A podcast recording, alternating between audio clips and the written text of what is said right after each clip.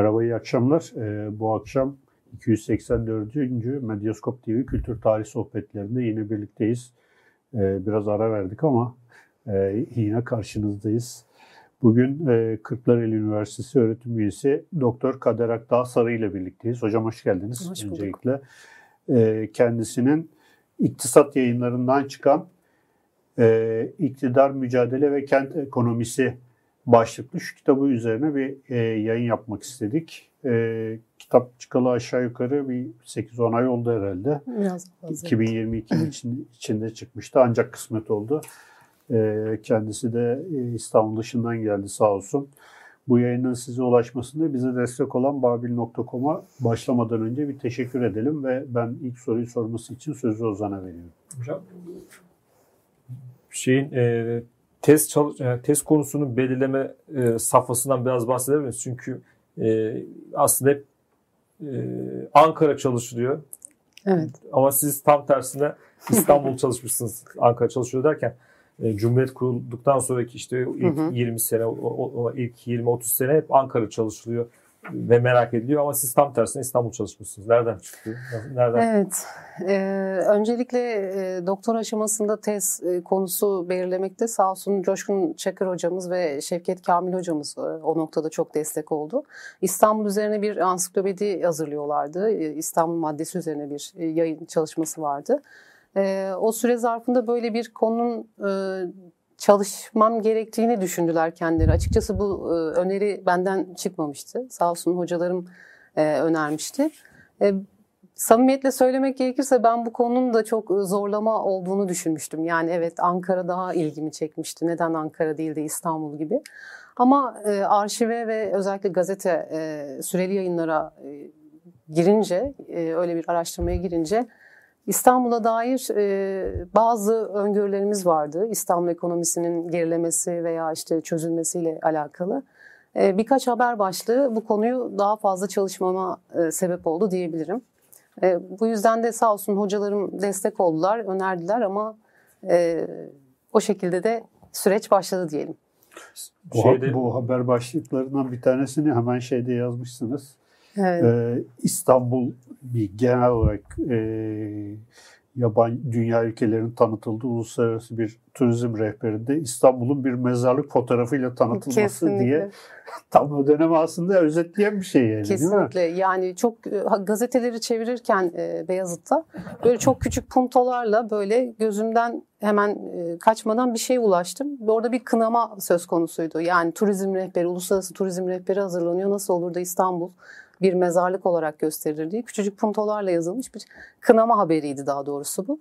Onun üzerinde ben evet bu e, araştırmaya devam etmeliyim diye düşündüm ve gerçekten de bulduğum sonuçlar itibariyle en azından tezimi ispatlar e, şekilde sonuçlara ulaştığımı düşünüyorum. E, Bu- Böyle bir çalışmaydı, arada çalışmam. Hem Coşkun, Coşkun abiye ben de yakından tanıyorum hem de Şevket abiye buradan selam edelim. Ee, o iktisat tarihi, ben de şimdi iktisat tarihi yüksek lisans yaptığım için onların iktisat tarihi öngörüsüyle güzel bir konu e, önermişler. E, sağ olsunlar. E, hocam e, genel olarak e, Ankara, yani biz hep şey vardır kafamızda ya, yani şu gün bile aslında var olan bir şey Ankara İstanbul e, İkilemi. ikilemi çatışması işte Ankara'ya gidince en güzel tarafı İstanbul'a geri dönmektir falan de, de, de- denir hep. E, böyle bir şey var iki, e, bir gerilim var. Hı hı. E, bunun iktisadi e, altyapısını bi- biliyoruz işte Cumhuriyet kuruluyor ve oraya işte işte Bozkır'da kurulan bir e, nasıl diyeyim cennet veyahut da Bozkır'daki bir çekirdek gibi orada yetişen bir şey var. E, e, yetiştirilmeye çalışan ve ulus devleti çerçevesinde de kurmaya çalışan bir yapı var. Ama bunun e, iktisadi temelleri neler? E, Aslında bu çalışma iktisadi temellerden önce e, bir rejim meselesi üzerine odaklanıyor. O yüzden ben çalışmanın birinci e, ünitesini bu modernleşme anlayışı çerçevesinde ulus devlet oluştururken neler istediler?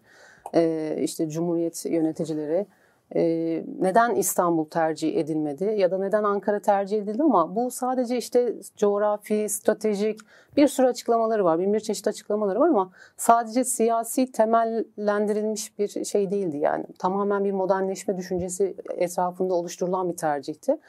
Önce o ulus devletten kastı neydi, nasıl bir zihniyete sahiptiler? Bundan dolayı kitabın birinci aşamasını onu oturtunca ikinci aşamasında iktisadi olarak o gerileyiş ya da işte e, sönümlenme dediğimiz olgu daha net ortaya çıkmaya başladı. Yani aslında ben neden yatırımlar Ankara'ya yapıldı demedim çünkü yatırımlar Ankara'ya yapılmıyor. Yani evet bir başkent oluşturuluyor, binalar yenileniyor ya da daha fazla bina yapılıyor ama bu bir sanayi yatırımları mesela Ankara'da değildir. Hani Anadolu merkezli bir kalkınma vardır ya da ben neden İstanbul'da yatırım yapılmadığı tartışmadım. Hani bu çalışmanın ana konusu e, İstanbul'un başkentliğini kaybettikten sonra ekonomik anlamdaki o gerileyişi nasıl mümkün oldu? Bunu o modernleşme ve uluslaşma ya da yeni bir ulus devlet tahayyülü çerçevesinde değerlendirdiğimde daha anlamlı hale gelmiş oldu. Bundan dolayı önce iktisadi e, kavramları değil de o siyasi ve ideolojik çerçeveyi oturtmaya çabaladım. E, ondan sonra dediğim gibi çalışma çok daha anlamlanabilir hale geldi. Ee, iktisadi anlamda e, sorunuzu bir daha alabilir miyim? Biraz cümleyi uzattığım için. Yani bu arada bir gerilim var ve bunun üzerine bir e, bir iktisadi bir e, şeyin temeli var yani buraya götürülmesini. Yani mesela şey var mı? E? E, Ankara'ya getirirken götürürken yeni bir şehir kuruyorsunuz ve mesela e, ekonomiyi canlandırma gibi bir şeyleri var mıydı acaba? Şimdi, Temelleri var mıydı? Şu, yani İstanbul'da var olan bir sistem var, oturmuş bir sistem var. Yeni bir yere gidip yeni bir şeyler kurmak. Siz yine başka örnekler de veriyorsunuz mesela. E, başka ülkelerden atıyorum mesela. Tabii tabii e, yani. Brezilya'da e, işte e, İspanya'da, İspanya'da var, Rusya'da var. Şeyde, hani, Pakistan'da. Buradaki öncelikle e, temel kaygı işte iktisat e, di olmaktan ziyade siyasi anlamda. Öncelikle işte askeri olarak e, kendilerini güvenli hissedebilecekleri bir mekanı taşımışlardı 1919'da. Milli mücadelenin karargahıydı zaten Ankara. Ama sonraki süreçte de e, Ankara'dan çıkmadılar. Yani e, başka başkent tercihleri belki olabilirdi. Bu noktada işte mecliste çok tartışmalar da var. Buradaki asıl kaygı ilk başta ekonomiyi canlandıralım elbette hani yeni kurulan cumhuriyette öncelikli olarak işte cidal kavramı yani cenk etme işte iktisadi cidal şimdi başlıyor fedakarlıklar üzerine kurulu bir söylem var. Ee, ama e, burada e, mesela Cumhuriyet'in ilanından öncedir Ankara'nın başkenti olması. Yani rejim hı hı. daha değişmeden Ankara'nın başkenti e, kararı veriliyor. İktisadi anlamda elbette ki işte sanayileşmek yani çünkü modernleşme dediğiniz şey e, kendisini sanayileşmek anlamında gösteriyor iktisadi anlamda işte toplumsal anlamda belki kentlileşmeyle e, eş anlamlı gösteriyor. Fakat burada Ankara'da da o eski Ankara'nın yerleşim yerinde yapmıyorlar o modernleşmeyi. Sıfırdan başlayabileceklerini ya da işte e, diğer yazarların söylemi itibariyle işte sıfırdan başlayabilecekleri kendi ütopyalarını kurabilecekleri bir kent tahayyül ediyorlar. Orası aslında değişen Türkiye'nin vitrini olacak. Onur onurlandırılması gereken bir e, kent Ankara. Çünkü Ankara halkı onlara milli mücadelede yardım etti. Ee, Ankara hem korunaklıydı e, ve modernleşme düşüncesinin, yeni bir ulus devlet düşüncesinin başlanabileceği yer. Peki neden o zaman İstanbul değil sorusu karşımıza çıkıyor. Çünkü İstanbul'da e, bunu sıfırdan başlayabilecekleri e, bir alan bırakmıyorlar. Bir kere İstanbul'u güvenli bulmuyorlar. Ee, İstanbul fazlasıyla yerel. Yerelden kastı İslami değerleri fazlasıyla atıfta bulunuyor. Fazlasıyla küresel. Çünkü Batı ile eklemlenmiş ve emperyalizmi hatırlatıyor. O yüzden e, yeni cumhuriyetin kurulucu e, yani yeni kurucularımız işte cumhuriyetin e, seçkinleri bu sebeple daha çok modernleşme, çağ, çağdaşlaşma, batılılaşma kavramları etrafında Ankara'yı kendilerine mekan ediyorlar. Fakat bu da çok kolay olmuyor açıkçası. Evet 1919'da oraya yerleştiler. Ee, İstanbul'un işgaliyle beraber 1920 e, Nisan'ında meclisi orada açtılar. Ama mesela 1921'de mecliste bir e, şey bulduk, e, bir teklif. İşte başkent tespiti için bir komisyon belirlenmesi teklifi vardı. Mesela orada milletvekillerinin çok büyük şiddetle karşı çıktıklarını gördük. Yani işte alt tarafı bir başkent tespiti için komisyon 3 tane üye seçeceğiz. Buna bile milletvekilleri bu ne alaka, bu, bu şimdinin işi değil, ne demek İstanbul ilelebet payitaht kalacaktır diye karşı çıkıyorlar. Hatta bu öneri dahi okunamıyor şiddetli gürültüler arasında ve onu kapatıyorlar o konuyu. Hatta ondan sonra milletvekillerinin çok büyük bir kısmı 115 milletvekili imza veriyor. E, burası çok pahalı bir yer. E, çok fazla şeyden yoksunuz, kalacak yerimiz yok. En iyisi biraz daha medeni bir yere gidelim madem meclisi orada açalım. Yine başkenti değiştirelim demiyorlar. E, medeni yer olarak işte Eskişehir'i öneriyorlar. Bazıları kendi memleketlerini öneriyor. Ha, meclisi başka yerlere taşıyabiliriz. Yine evet kafalarında İstanbul yok. Çünkü İstanbul güvenli bir yer değil. Hem İttihat Terakki var. Hem Batı ile çok fazla eklemlenmiş. Yani e, yeni hükümet aslında kontrol edebileceği ve denetleyebileceği bir mekanı istiyor. E, bunu da e, isterken de işte coğrafi olarak, stratejik olarak, askeri açıdan sürekli açıklama ihtiyacı duyuyor. Bundan dolayı hani ilk başta iktisadi olarak bir şey yapalım, hadi Anadolu'yu kalkındıralım pek olmuyor o e, yıllarda. Evet. Hocam şimdi ben bir ara e, sosyal medyada e, şöyle bir tweet atmıştım. Millet biraz böyle şey yaptı anlamadı mevzuyu. Büyük Konstantin'le ben Mustafa Kemal'i birbirine çok benzetirim. Büyük Konstantin biliyorsunuz Roma'nın başkentini Roma'dan çıkartıp İstanbul'a getiriyor ve işte yani Roma'nın başkenti haline getiriyor ve bunu yaparken sadece bunu yapmıyor bir de dini de değiştiriyor. Yani işte bir geçmiş dinden bir kopma, yeni bir işte Hristiyanlığın e, resmi bir din, en azından serbest bir din olması, sonra onu resmileştirecekler vesaire. Yani bu, e, bu aslında coğrafi hicret diyelim. Aynı zamanda politik bir kırılma anına da denk gelen bir şey. Yani işte Türkiye Cumhuriyeti de kurulurken işte başkenti değiştirirken işte laik bir devlet, bir ulus devlet inşası, hı hı. çok milletli bir imparatorlukta ve e, yani bir ben biraz hani kendi yorumumu da şey yapacağım. Bir kırgınlık var yani İstanbul'a karşı. Kesinlikle. Mesela Atatürk 1927'ye kadar İstanbul'a gelmiyor. Evet.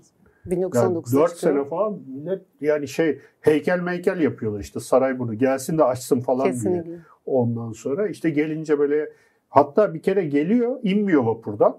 Direkt geçiyor. Direkt geçiyor. Millet, insanlar yani bekliyor. İstanbul halkı böyle büyük bir 1926'da galiba. Karagöz dergisi onu evet, karikatürle bir, e, büyük bir hayal kırıklığı var. Ondan sonra gelsin bir an önce falan filan ama bir kırgınlık var. Mesela bizim yani Türk romanının neredeyse yani yüzde onu falan hep böyle işgal dönemi İstanbul'unu anlatır işte. Yani hı hı. esir şehrin insanları, Sodom, Gomorra, şu bu.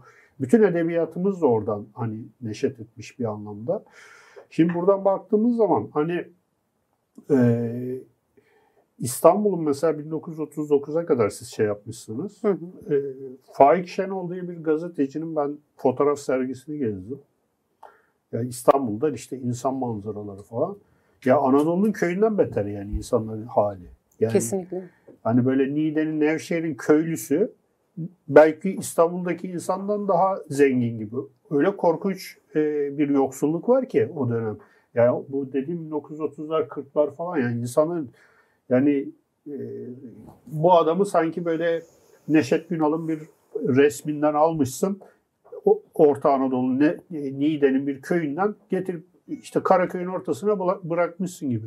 Bu e, yani o dönemin herhalde bir sosyal e, e, e, psikolojisiyle de çok alakalı şeyler bunlar. Ama bir yandan da e, siz kitabınızda zaten rakamlarla da bunu şey yapmışsınız. İktisaden büyük bir çöküş yaşanıyor İstanbul'da Kesinlikle. değil mi? Biraz bunlardan bahsedebilir miyiz hocam?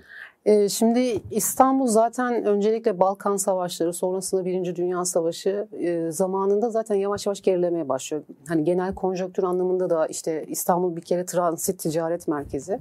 E, fakat bu transit ticaret merkeziliğini birazcık kaybetmeye, sönümlenmeye başlıyor.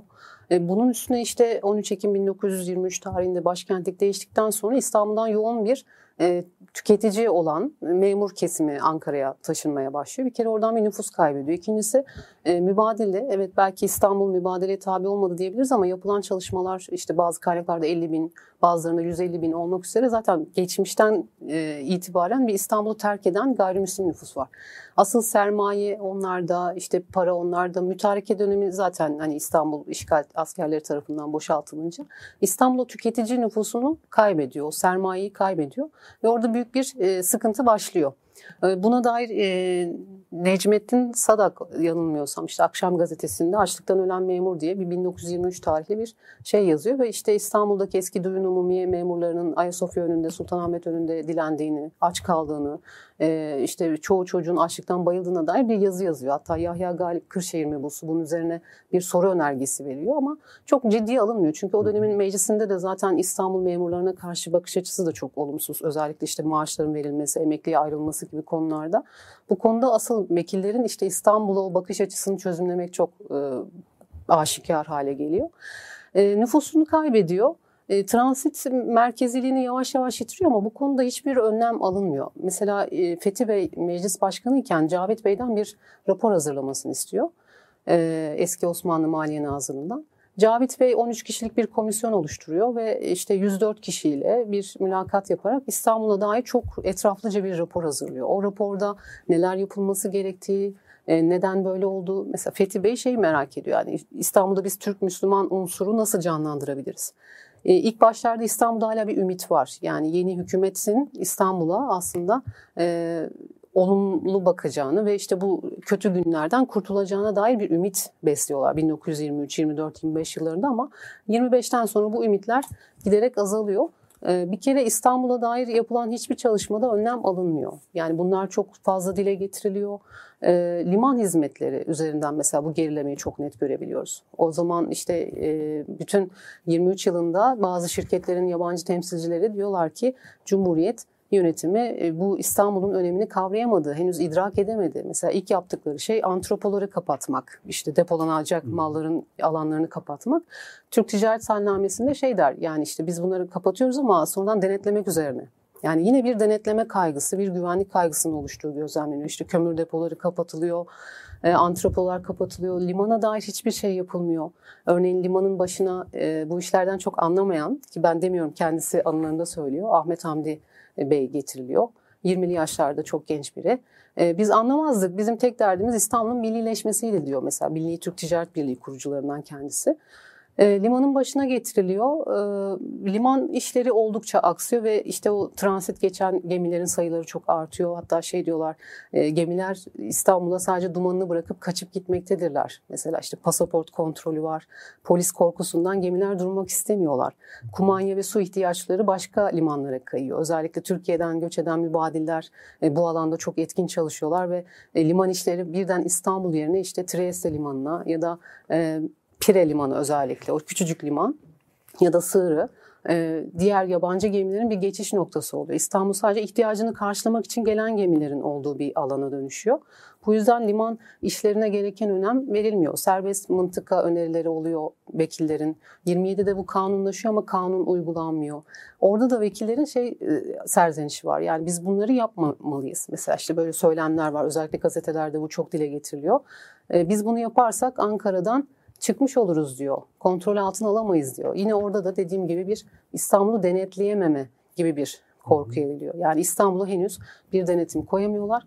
O denetimi belki 30'lu yıllardan sonra koyacaklar. Özellikle belki de 1926 İzmir suikasti davasından sonra biraz daha. Hani az önce dediniz mesela e, Ahmet Kuyaş'ın bununla ilgili bir makalesi vardı.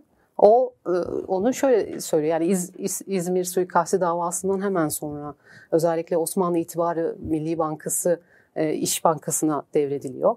E, Cavit Bey ve işte Kara Kemal zaten e, ölmüş oluyor.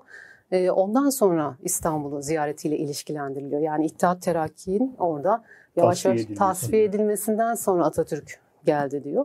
Bu da yaptığım yani çalışmayla sa- sa- sadece e, şeyle alakalı değil yani hani e, psikolojik hayal kırıklığıyla alakalı Yok, değil. Hayır. Siyaseten de İttihat Terakki'nin gücünün kırılması. E, tabii Cavit Bey'in e, batıda e, çok fazla kredisi olan biri. Cavit Bey bu işlerden de çok iyi anlayan biri. Hatta e, Güner Akalın da onun o yazdığı e, işte İstanbul'a dair komisyon raporunun 85 yıl sonra iki genç tarafından keşfedildiğini söyler. Yani ben o dönemi incelediğimde o komisyon raporu çıkmış ama hiçbir şekilde haberlerde bile yeri yoktu.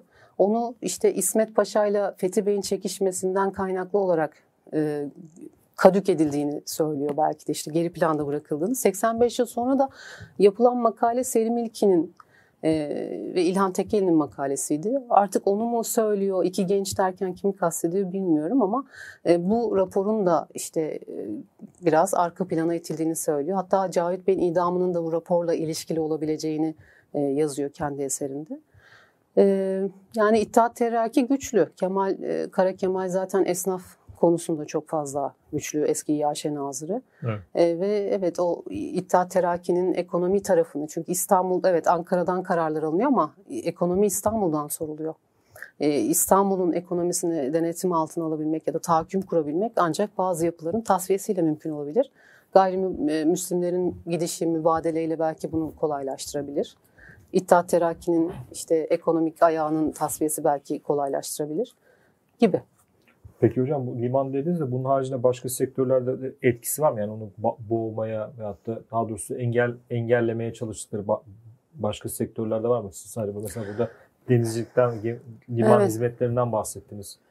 Mesela bankacılıkta da bunu çok net gördüm. Bankacılık aslında 1923 sonrası çok canlıdır Türkiye'de. Yani özellikle mevduatların çoğalması, bankacılık faaliyetlerinin artması özellikle milli bankacılık, İttihat Terakki döneminden kalan bir milli iktisadi anlayışla ama İstanbul'un bankacılık sektöründe baktığınız zaman 1923'ten sonra kurulan bir ya da iki tane banka var. Ee, ve İstanbul'un en önemli sorunu da özellikle esnaf ve zanaatkarların çok yoğun olduğu bir alan. En önemli sorunu kredi sorunu. E, fakat İstanbul'daki mevcut bankaların çok büyük kısmı yabancı bankalar ve yabancı sermaye 1923 sonrası İstanbul'da faaliyet göstermiyor. Yani yeni banka oluşturmuyor. E, devlet Ankara'da e, çok büyük bankalar oluşturuyor tabii ki de İş Bankası, Ziraat Bankası, Sanayi ve Maden Bankası ama bunlar İstanbul'un o ihtiyaç duyduğu krediyi vermekten uzak. Ve burada sanayi raporlarından edindiğim bilgilere göre sanayici perişan durumda. Esnaf zaten e, krediye ihtiyacı var ama esnafın o kredi ihtiyacını karşılayacak en ufak bir banka yok. E, bir tane banka kuruluyor. İstanbul Belediyesi'nin girişimiyle işte İstanbul Esnaf Bankası. Onun da akıbeti çok kötü.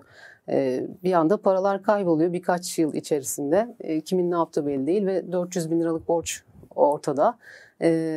Kısacası o bankacılık yani işte o Anadolu merkezi bankacılık İstanbul'da artmıyor. İstanbul'da bankacılık faaliyetleri sönümleniyor. Sonraki süreçte 30'lu yıllarda Türk lirasını koruma kanunlarıyla vesaireyle nüfusu 250 binden büyük olan şehirlerde mevduatların işte 1 milyon lira olması gibi bir koşul ortaya atılıyor. O da İstanbul'da faaliyet gösteren diğer yabancı bankaları eliyor. Ee, o ana kadar kurulan bir de İttihat Terakki'nin kurduğu bankalar vardı. İşte 1918 sonrası bir sürü kurulan İttihat Terakki'nin öncüsü olduğu bankalar vardı. Bunlardan biri Osmanlı İtibarı Milli Bankası'ydı. O zaten İş Bankası'na devrediliyor. Ee, yaklaşık yanılmıyorsam 15'e yakın banka hepsi 1930'larda tasfiye ediliyor. Yani sadece işte Cavit Bey ya da Kara Kemal değil. İttihatçıların kurduğu tüm şirketler, tüm bankalar tasfiye ediliyor. Kısacası bankacılık faaliyetlerinde de İstanbul'da inanılmaz bir gerileme var. Ee, başka limanın dışında esnafla ilgili zaten e, devletin uyguladığı devletçilik politikaları, o sanayileşme hamleleri esnaf ve zanaatkarı bir yapısal dönüşüme sokma mecbur bırakıyor. E, devletin izlediği gümrük siyaseti, orada sıkıntılar baş gösteriyor ve İstanbul'da o e, çok etkin olduğu bazı meslekli alanlarda inanılmaz derecede gerilemeye başlıyor. E, vergi meselesi. Yani aslında burada sadece İstanbul'a aitmiş gibi görünen ama devletin koymuş olduğu bazı ekonomi politikaları en çok İstanbul'a zarar veriyor desek biraz daha doğru olmuş olur. Yani yoğunluktan dolayı. Yani yoğunluktan şeyden, dolayı. Hani Zafer Toprak'ın şeyi kitabı Milli Milli İktisat evet. e, politikaları çerçevesinde e, herhalde yoğun, çok yoğun olduğu için yani zaten e, Osmanlı ve Türkiye'nin de en büyük şehri hala öyle de o gün de öyle. Yoğun hissedilmesi. Ya şimdi yoğunluktan ziyade devlet olarak bir şeyler yapmak istiyorsunuz ve bazı şeylerin üretimini kendinize tekel almak istiyorsunuz. İnhisar yapmak istiyorsunuz ama A'dan Z'ye her şeyi, temel tüketim malları da dahil tek eliniz altına alıyorsunuz. Şimdi bu tekeliniz altına aldığınız şeyleri şirketlere devrediyorsunuz ve bu şirketler genellikle vekil, bürokrat ve işte kendi aralarında dönüyor. E şimdi ister istemez böyle bir iktisadi politika uygularsanız e, doğal olarak orada ne esnaf faydalanacak ne zanaatkar faydalanacak. Yani işte 155 olan matbaa sayısı birden 5'e düşer. Çünkü işte matbaayı tekel altına alırsanız e, doğal olarak düşer. Yani işte vapur faaliyetlerini tekel altına alırsanız vapurcular tabii ki de e, gerileyecektir gibi. Yani o dönemin aslında iktisadi politikaları evet sanayileşmek istiyorlardı. Devletçilik uyguladılar 32'den sonra ama uyguladıkları politikalar kendi etrafında, o çekirdek zümre etrafında dönünce İstanbul'un o yoğunluktan dolayı etkilenen tarafları çok daha fazla oldu. Ee, işte o esnaf ve zanaatkara gereken ilgi gösterilemedi. Sanayici mesela bu oluşumun dışında kalıyor. Sanayici ne zaman iş yapabilir? Ankara ile iyi ilişkiler kurarsa iş yapabilir. Ee, tek başına bir iş yapamaz. Ee, o yüzden ya kanunları önceden bilmesi, iyi ilişkiler kurması, Ankara ile yakın olması gerekiyor. Yahut da şey yapıyorlar değil mi? Ben e, kitapta da var. E, yönetim kuruluna veyahut da Kesinlikle. yönetim kuruluna diyelim şeyden e, bürokrasiden yahut da milletvekillerinden e, işte insanlar getiriyorlar. O ilişkiyi öyle kuruyorlar falan. Yani böyle şimdi İş Bankası bunun en tipik örneği ve İş Bankası Altı üzerinden maaşlı adamlar. ya diğerlerine de sirayet ediyor. Aslında İş Bankası tek değil. Hani aferist dedikleri o çıkarcı e, diye temsil ettikleri ya da söyledikleri Falih Rıfkı'nın e, söylediği şeklinde bir dalga yayılıyor. Bu hemen hemen her şirkette oluyor. Yani bir milletvekiline baktığınızda 6 tane şirketin idare meclisinde ama hisse oranına baktığınızda yabancı sermaye çok daha yüksek. Yani burada bir paravan olarak kullanılma var. Ya da milli iktisattan kastı aslında gayrimüslimlerden olan boşluğun e, Türk Müslüman unsur tarafından doldurulmasına yönelik bir çaba var. İstanbul'da mesela en fazla yaptıkları şey şirketleşme. Bunu da şirketler üzerinden görebiliyoruz. Yani İstanbul'da evet bankacılık geriledi ya da diğerleri geriledi ama en fazla şirketleşme artıyor. Fakat bu şirketleşme içerisinde de işte yabancı sermayesiyle iş tutabilen ve idare meclisi üyeliği olabilen ya da komisyonculukla geçinen mebuslar, bürokratların etrafında dönüyor bu şirketleşme olayları da. İstanbul bundan çok fazla nasibini alamıyor. Şimdi burada sizin e, tablolarınız var hocam. Hı hı. Deminki konuyla ilgili. E, mesela ticari işlemlerde bulunan gem- gemilerin oranı e, 1926'da %41 iken 30'da %29'u düşüyor. Evet. Ondan sonra transit geçen gemilerin tonaj, tonaj olarak Hı hı. oranı e, 58'den 71'e çıkıyor. Yani millet İstanbul'a uğramadan basıp geçiyor ve hiçbir şey yapmıyorlar. Yani e, dediğiniz gibi dumanını bırakıp çıkıp Evet. gidiyor. E, şimdi ben şunu sormak istiyorum. Genelde hani bu dönem incelenirken biraz odak noktası hep 29 bu- buhranı, işte buhran geldi. O, bu yüzden işte devletçilik vesaire şey yapıldı, e, tercih edildi. E, tabii 29 yani genel olarak bütün dünyada var olan bir anlayış değişikliği. İşte Keynesyen ekonomi, işte devletçilik vesaire. Amerika'da bile neredeyse hani e, buna benzer şey tartışmalar yapılıyor. E, ama biz bir yandan bizimkilerin e, bir liberalizm mecburiyetleri de var. Yani hani tamam bir devletçilik vesaire var ama oradaki o çatışma nasıl şey yapılıyor? Yani çelişki nasıl çözümlenmiş? Şimdi bizdeki söyleyebilirsiniz? iki yani mesela iki farklı görüş var tabii burada ama liberalizmden biz şeyi anlarız hani jandarma devlet algısı ama devlet hiçbir şey yapmasın, piyasaya müdahale etmesin diye bir algı. Bu bir kere Türkiye'de yok yani. Devlet her zaman güçlü çünkü Osmanlı'dan güçlü bir devlet anlayışı ha- e, hakim. O yüzden e, devlet e, karda bir şey yapmasın ama zararıma ortak olsun anlayışı da çok yaygın o dönemlerde de. E, tabii ki de tüccar herkes e, işte devlet bir şey yapmasın der ama herhangi bir zararda e, devlete yüklenmeyi tercih edecektir. Bizde zaten devletçilik buhran olmasa da gidişat öncesinde de hı. yani evet devletçilikle ilgili kanunlar e, Korkut hocamızın dediği gibi işte 32'den sonra daha ağır basıyor ama devlet her zaman var oldu. Yani devletçilikten kastı özel sektörün yetişemediği yerlerde devletin müdahale etmesi, özel sektörü desteklemesi olarak algılandı. Fakat burada özel sektörün İstanbul'da özellikle bir şeyler yapmaya çalıştı ama bu az önce söylediğim vergi politikaları, gümrük politikaları ya da kontenjan kararnameleri gibi uygulamalarla özel sektör kendisine bir alan tanınmadığını görüyor. Yani ve devletten tabii ki de hani sorarsanız istikrarsızlığı mı tercih ediyor yoksa müdahaleyi mi? Özel sektör tabii ki de müdahaleyi tercih ediyor. Ama e, öyle bir keskin ayrım açıkçası söz konusu değil. Yani 1923 sonrası liberaldi. Hayır piyasaya her zaman hakimdi. Bir kere buhran 1929'da başladı ama piyasanın İstanbul'da bozulması 1927 itibariyle başlıyor. E, çok fazla e, ithalat yapıyorlar. O konjonktürün devam edeceğini düşünüyorlar. Bir de 1929'da Lozan Anlaşması'nın hükümleri son bulacak gümrükle ilgili olan. E, Bir an önce stok yapalım diyen bir ithalatçı oluyor. O yüzden 1929'a girmeden daha 28 yılında dış, dış ticaret açığı eksi eksi 100 milyon lira gibi çok yüksek bir rakam. Ee, bir kere iflasların başlaması işte o elinde kalan malları satamayan tüccarın iflaslarının başlaması zaten 1927 sonrasında oluyor. Buhran daha Türkiye'ye gelmeden biz buhranı yaşamış oluyoruz başka açılardan. Hmm.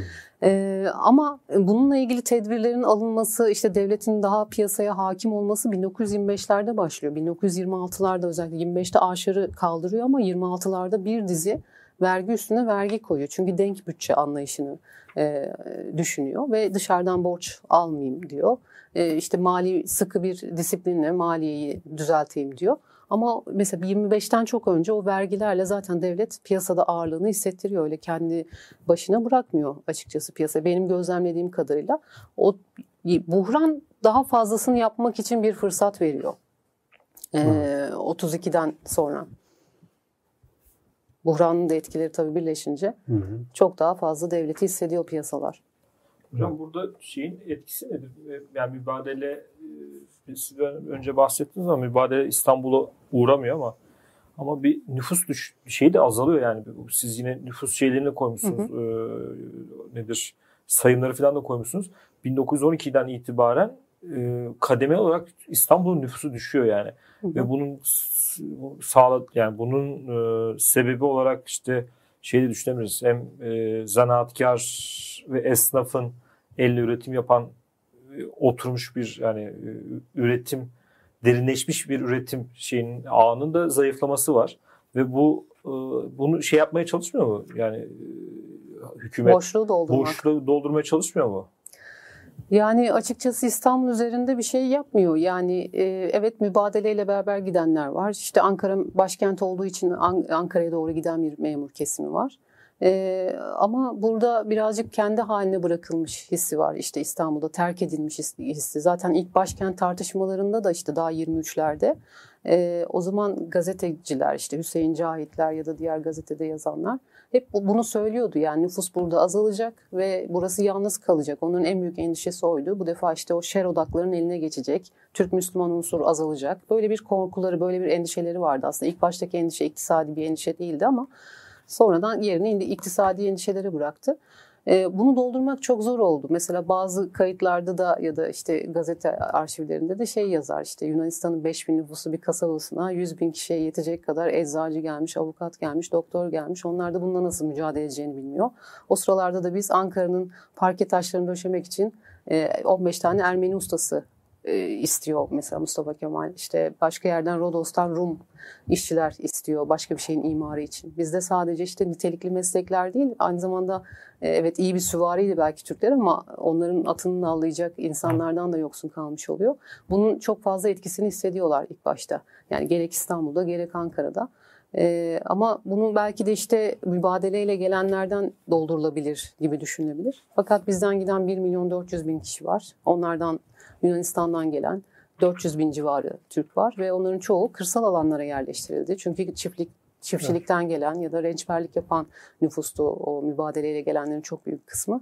İstanbul o boşluğu uzun bir süre dolduramadı ve o meslekler de giderek e, çökmeye başladı. Yani orada işte verdiğim rakamlarda da bir, bir anlamda yapısal bir dönüşüm var mesleklerde. Bir anlamda işte mübadelenin gidişiyle beraber e, gayrimüslimlerin pardon gidişiyle beraber bir boşluk var. Bu boşluk pek doldurulmaya e, çalışılmıyor gibi. Yani eldeki var olanla artık getirmek. Çünkü zaten ulus devlet dediğiniz şey de yeknesak bir vücut halinde bir ulustan e, beslenmek. Ee, Ankara'da da bu çok fazla görülüyor. Yani işte gayrimüslimin oranı orada %36'lar civarındayken sonra %35'lere düşüyor. Şey %5'lere düşüyor mesela işte 1927 sayımında. İstanbul'da peyderpey biraz daha azalıyor. İstanbul'da %12'lere düşüyor mesela Rum nüfus. Ee, gidenlerin çok büyük kısmı sermayedar olduğu için ya da işte büyük tüketici sınıf olduğu için İstanbul bu anlamda da çok büyük bir şekilde gerilemeye devam ediyor. Yani işte tüketim oranları azalıyor. Çünkü İstanbul e, büyük bir hizmet kenti. E, nüfus olmayınca ama orada nüfus şey, da bir şey var. Yani işte genelde işte e, İstanbul'un normal bir ille e, bir tutulması söz konusu. E, işte Muş neyse İstanbul odur diyorlar milletvekilleri. Böyle bir kıyaslamaya gidiyorlar. E, ve 1 milyon üzerinde bir nüfus birden 700 bine düşüyor. Fakat e, bazı yazarlarda özellikle Osman Nuri Ergin o dönemin e, şeylerinde e, işgal kuvvetlerinin İstanbul nüfusunu bilerek abarttığını söylüyor. Bu bence dikkate alınması gereken bir şey. Yani işte hmm. mükerrer kayıtlar var. Hani İstanbul'da gayrimüslim nüfusu da özellikle fazla göstermek için işgal kuvvetleri nüfusu birazcık abartıyor ve ona göre yaz, yazdığı kayıt altına aldı diyor. Bu dikkate değer. Bir de Çağlar Key derdi sanırım yanılmıyorsam. Şey diyor İstanbul'dan fazla mebus çıkmasın diye İstanbul nüfusunu da Cumhuriyet dönemi azalttı diyor. Az gösterdi diyor. Hani bunları da bir not etmek lazım. Ama tabii gerçek şu ki nüfus fazlasıyla düşüyor ama e, iki tarafta da doğruluk payı var. Yani belki de evet İstanbul'dan mebus daha az çıksın diye İstanbul nüfusunu biraz daha az gösterme gayretleri de olabilir. Hocam bu e, İstanbul'un bütçesi konusunda e, elimizde rakamlar var? Şimdi bizim bu o dönem böyle e, büyük işte belediye başkanları Büyüttün Üstün Dağ var. Haydar Bey var o meşhur havuzu mavuzu yapan.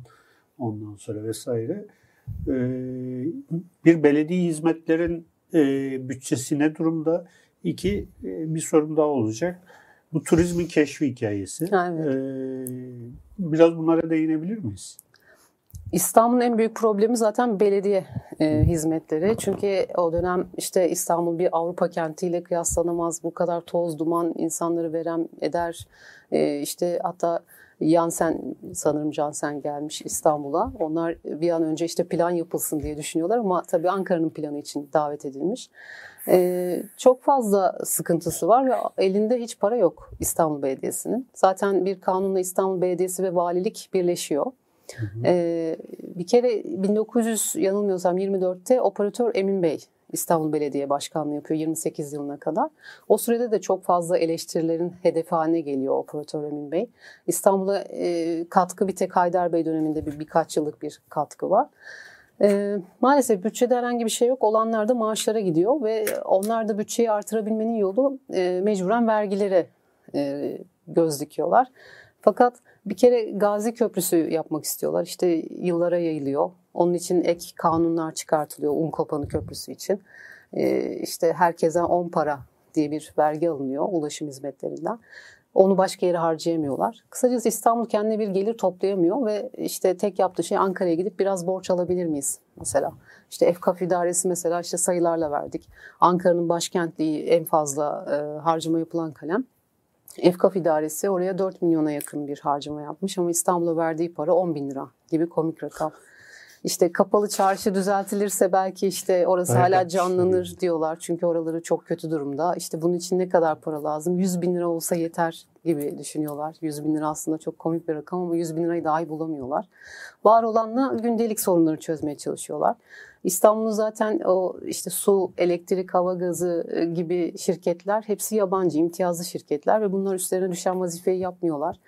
Geçmişte belediyeye bunlar vergi veriyorlardı kazançlarından az da olsa ama sonra bir kanunla bunların vergisi maliye vekaletine devredildi. İstanbul Belediyesi oradan da e, bir şey alamıyor.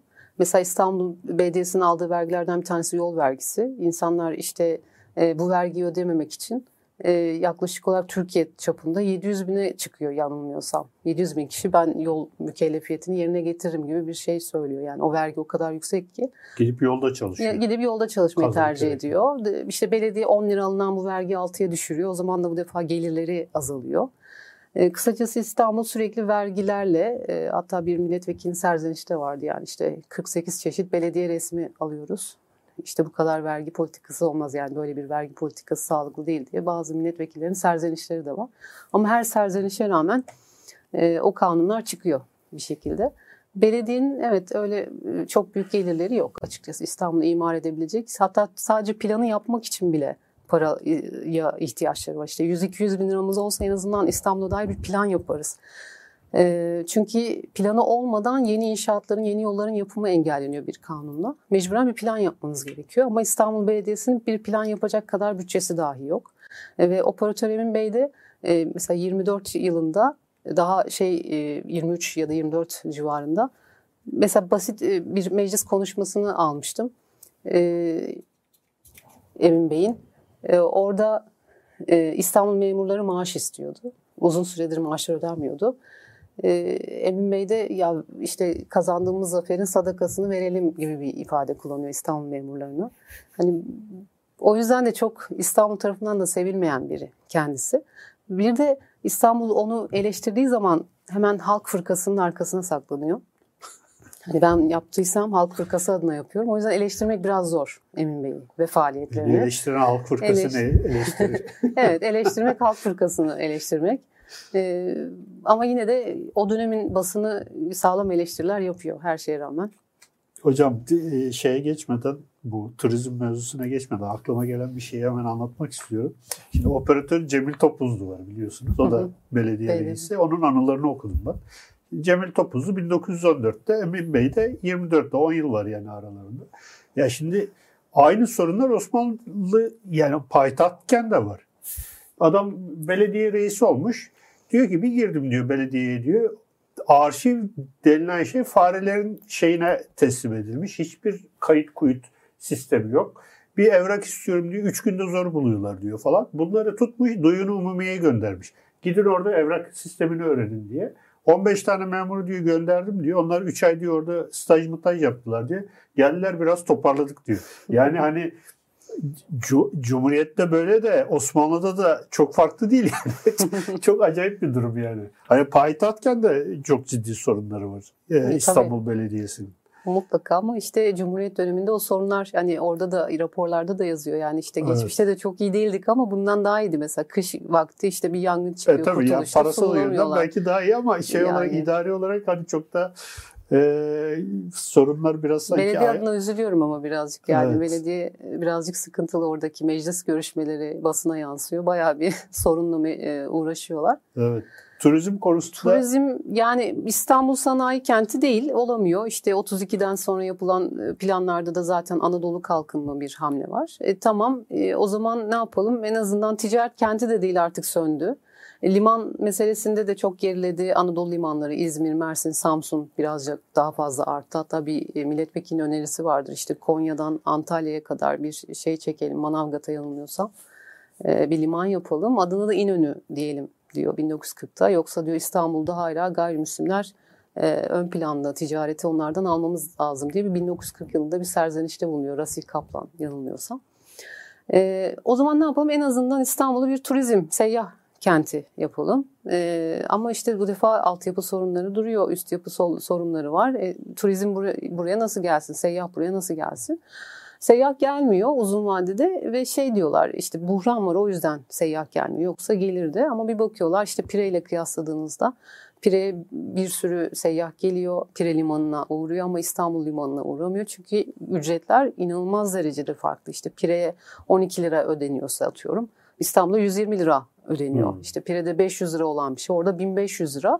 Türkiye çünkü o vergi politikası o kadar şey ki liman üzerinden sürekli vergi ve para almaya odaklı ki bu seyyahları da etkiliyor.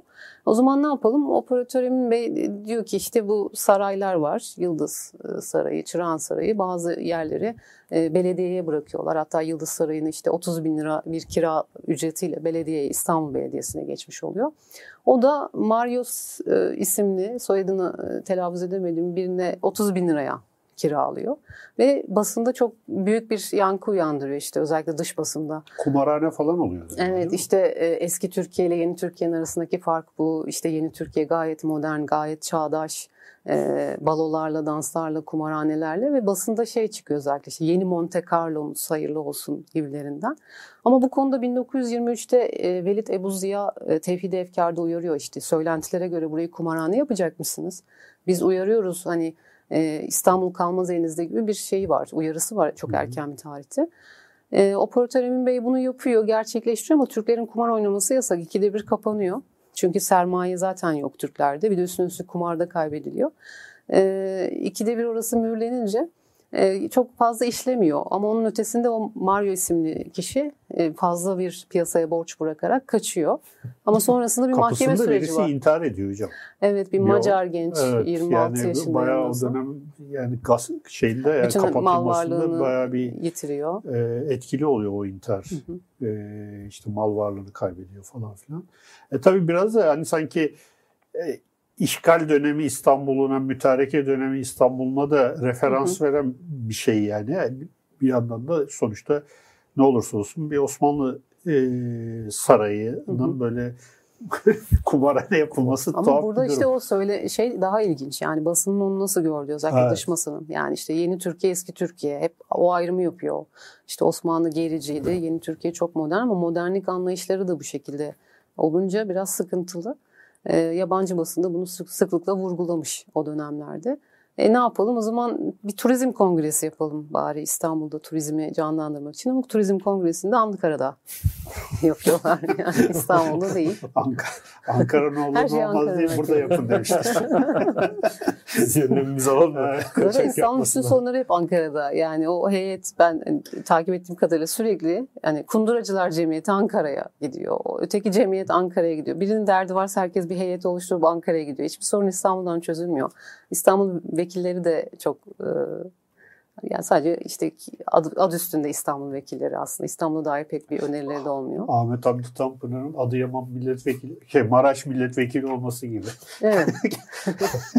Ahmet Hamdi Tanpınar'ın Maraş'la ne alakası var diye yani O dönem insan... milletvekilleri de öyle yani. Çoğu kendi şeyle alakası yok aslında. Evet. Hani Hocam Evet. burada iaşe sorunu var. Yani İstanbul'un iaşesi Osmanlı'nın e, fethinden, yani İstanbul fethinden itibaren iaşe yani İstanbul'un iaşesi en büyük aslında şöyle söylemek gerekiyor.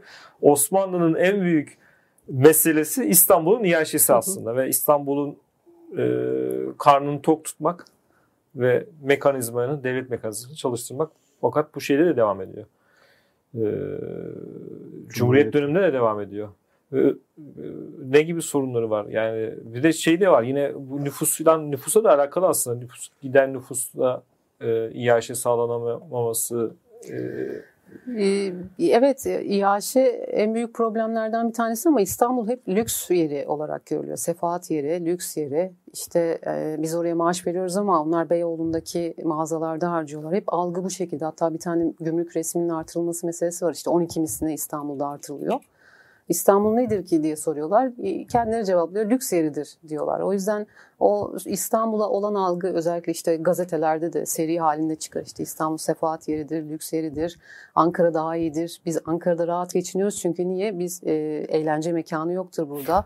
Ankara'nın havası eğlenmenizi Püriten bir ister. hayat yaşıyoruz. Evet, e, daha dinçtir, daha gençtir. Ama İstanbul e, hep alışkındır savurmaya. E, parasını tutmadığı için, hep zevk ve sefaya gittiği için e, fakirdir, yoksuldur gibi bir söylem de var. E, o yüzden Ankara her zaman genç, dinamik. İstanbul, İstanbul kokuşmuş. evet kokuşmuş, çürümüş.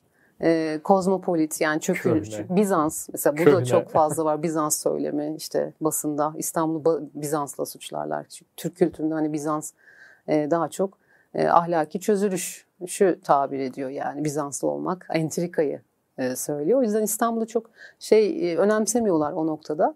E, İAŞ'yi sağlayabilmek için de tabii tüccarlar, sanayiciler var ama onlar da e, İstanbul'da vurgunculuk da had safhada. işte ihtikar dediğimiz meseleler, hayat pahalılığı da çok fazla oluyor. Her ne kadar rakamlar bugünle kıyaslanmayacak kadar az görünse de mesela %15'lik bir enflasyon gerçekleşiyor orada.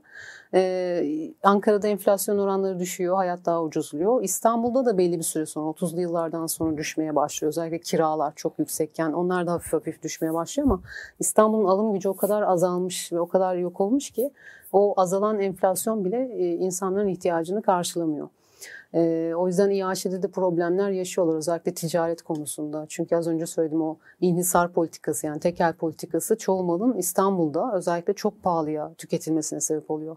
İşte Erzurum'da 10 liraya tükettiğiniz bir şey belki İstanbul'da 180 liraya kadar çıkabiliyor. İşte 6 kuruşa şeker alıyorsunuz ama İstanbul piyasasına 60 kuruşa veriyorsunuz. E, Her ne kadar sanayileşerek şeker üretimine e, başlamış olsanız da. Bu yüzden İstanbul halkı sürekli diğer Anadolu kentlerine göre her zaman daha pahalıya yaşayan e, ama iş bulmakta da zorluk çeken. Hatta o dönem 30'lardan sonra e, 29 bunalımının etkisiyle, buhranın etkisiyle köylerden İstanbul'a akan bir bekar erkek nüfus da var. E, Orada işte her meslek çöküyor ama lokantacılık, aşçılık e, birden artmaya başlıyor. İşte cemiyet reisi ne oluyor diyor yani işte 2-3 bin kayıt var diyor çok yüksek bir rakam. Eline bir kepçe bir kazan alan dükkan açıyor diyor burada. Sonra iki gün sonra tekrar kapatıyor. Çünkü işte evi barkı olmayan biri en azından dükkanda yatarım diyerek eline bir tas bir kepçe alan diyor. E, iş bulma için lokantacılık açıyor diyor. Bazı meslekler revaçta hani lokantacılık gibi ama çoğunlukla çoğu meslek e, gelir elde edemiyor. Mesela kunduracılık e, örneğinde işte e, haftalarca çıraklarına e, para veremeyen işte ustalardan bahsediliyor. Dericilik keza öyle. Ama orada bir dönüşüm de var. Yani işte bir meslek yok olunca ötekine biraz da adapte olma da kolaylaşıyor İstanbul'da. Yani hemen birden yok oldu da diyemiyoruz. İşte e, kayıkçıysanız mesleğiniz gerilediyse birden e, arabayla ilgili bir şey buluyorsunuz gibilerinden. Ama İAŞ e, tam anlamıyla sıkıntı ve bütün suçu belediyeye atıyorlar. İşte sen yapamadın, sen gidip zabıt tutamadın, ceza veremedin. O dönem halka aldanıyorsanız hemen mahkemeye başvurun e, diyorlar. Yani halkı işte şikayet edin. Fiyata fazla zam yaptığını düşündüğünüz insanlar hemen müracaat edin, bildirin e, diyorlar. Gazeteler ucuzluk yarışması düzenliyor. Hayatı ucuzlatabilecek önerilere 100 bin lira para ödülü veriyor. Gazeteler şey yayınlıyor işte. Dostlar alışverişte görsün. Bazı mağaza isimleri yayınlıyor. Bu mağazalardan alışveriş yaparsanız %10 indirim alabilirsiniz gibi böyle. Başka da bir önlem yok açıkçası. Yabancı, gel, yabancı gelmiyor. Tarım kooperatifleri hikayesine dönmüş. Hocam şimdi siz söyleyince aklıma geldi. Yani İstanbul'da bu vurgunculuğun e, bir abidesi olarak mesela Bulgur Palas vardır biliyorsunuz. Geçenlerde işte bu şeyde belediye orayı işte bir sanat merkezine falan şey yaptı. Şimdi yani bulgur bulgur e, vurgunundan elde. Halkın zihninde öyle bir şey. Binanın adı tabii ki bulgur değil. yani onu yaptıran adam bulgur palas diye şey yapmamış ama e, çok böyle hani e, ikonik bir şey olması anlamında e, çok önemli.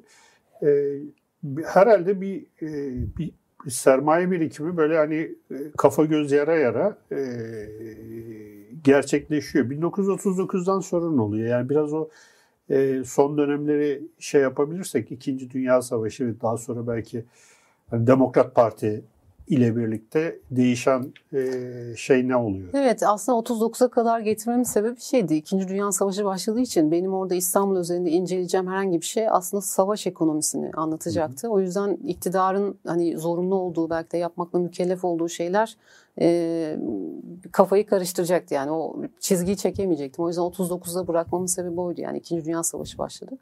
O ihtikar dediğiniz mesele e, şimdi serbest piyasa söylemi ardına saklanıyoruz. Bugün de öyle. İşte e, ve fiyatların artmamasını bekliyoruz. Ama e, serbest piyasa tekelin olduğu herhangi bir yerde serbest piyasa işlemez ve fiyatlar e, bir şekilde maliyetlerin de artışıyla beraber artmaya devam ederse yani nar politikası uygulamıyorsanız, Osmanlı gibi işte İAŞ politikası sizin temel meseleniz değilse, bir yandan serbest politika uygulayayım ama bir yandan da Ahmet Mehmet'e ben bu işin tekelini veriyorum derseniz, ihtikar dediğimiz o hayat pahalılığını tetikleyen unsur karşımıza çıkar. İkinci Dünya Savaşı yıllarında da zaten İstanbul bunu fazlasıyla yaşadı. Hı hı. Bu yüzden İstanbul deyince her zaman hani o romanlarda da bahsettiğiniz gibi vurgunculuk yani İstanbul'un payına hep vurgunculuk ve talancılık düşmesinin temel sebebi de budur. Ee, halen de öyledir yani bugün de işte 3 market e, ihtikar yapıyor diyoruz ya da işte hayatı çok pahalılaştırıyor vesaire. Yani sorumluları başka yerde belki arıyoruz. O dönemde de e, mesela kasaplarda et fiyatları çok yükseliyor işte 39'dan önce. E, hemen kasaplar cemiyetine diyorlar ki ihtikar yapıyorsun sen. İşte hemen adliyeye sevk ediliyor vesaire. O da diyor ki ben dükkanımın kirası bu. Aradığın vergi bu. Verginin vergisini alıyorsun işçime bu kadar para ödemem gerekiyor ve ben ihtikar yapmıyorum diyor aslında. Bir de bir yandan... ihtikar yapılacak bir şey de değil. Yani bozulan bir şey. evet. Stoklanabilen bir şey de değil ama e, günümüzde o da çeşitlendi. O yüzden 39-44 arası o çok daha sıkıntılı bir süreçti. İşte o mali disiplini sağlamaya çalışıyorsunuz. Denk bütçe yapıyorsunuz her şeye rağmen. İşte 32'den 38'e kadar dış ticaret fazlası veren bir Türkiye var karşımızda. 39'da artık o kazandıklarını yemek mecburiyetinde kalıyor ve enflasyon oranları yine tekrar 3 haneli rakamlara ulaşıyor 2. Dünya Savaşı'nda. Varlık vergisi uygulamalarımız var. Toprak e, vergisi tekrar gündeme geliyor 1942'den sonra.